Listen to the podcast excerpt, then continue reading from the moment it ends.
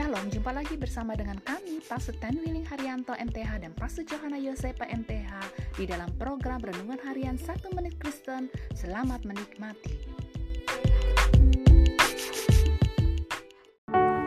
Shalom saudara yang berharga di mata Tuhan, senang dapat berjumpa dengan saudara.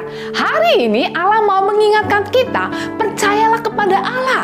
Yakub memerlukan bukti-bukti sebelum dia dapat percaya berita yang luar biasa bahwa Yusuf masih hidup.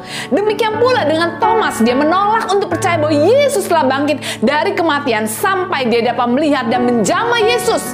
Sangatlah sulit untuk mengubah apa yang saudara percaya tanpa melihat bukti-bukti seluruhnya. Hari ini firman Allah mau memberitahu kepada kita dasar dari segala sesuatu yang kita harapkan dan bukti dari segala sesuatu yang tidak kita lihat itulah iman.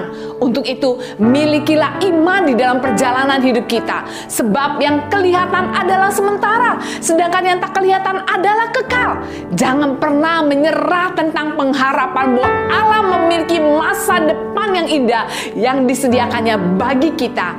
Percayalah kepada Allah saja. Amin.